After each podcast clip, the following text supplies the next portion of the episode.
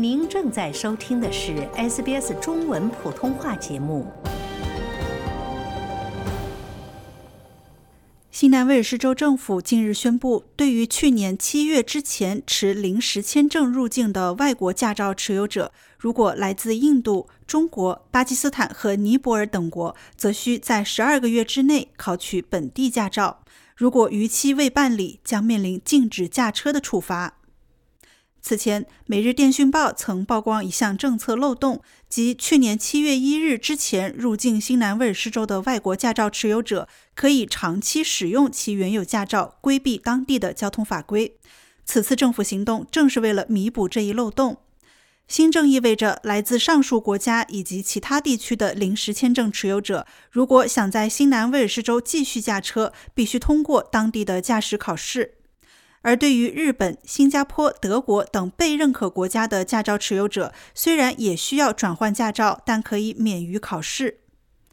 根据此前的规定，二零二三年七月一日之后入境的临时签证持有者，在居住满六个月之后，就必须申请新南威尔士州的驾照。但在这个日期之前入境的驾照持有者则不受此规则限制，这也导致部分外国驾驶员违规驾驶却逃避了法律的制裁。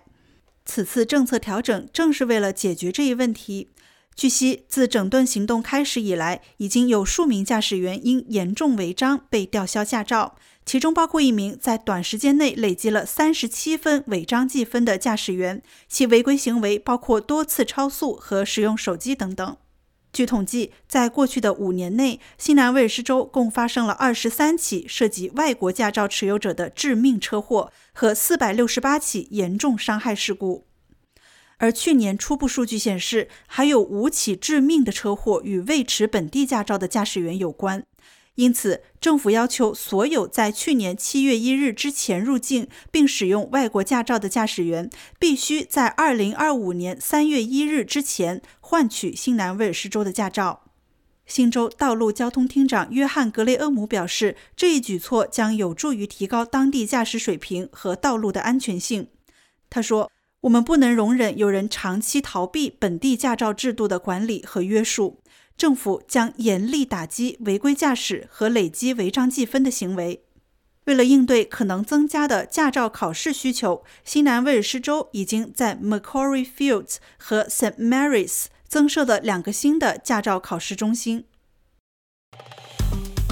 喜欢、分享、评论，欢迎您在 Facebook 上关注 SBS 普通话页面。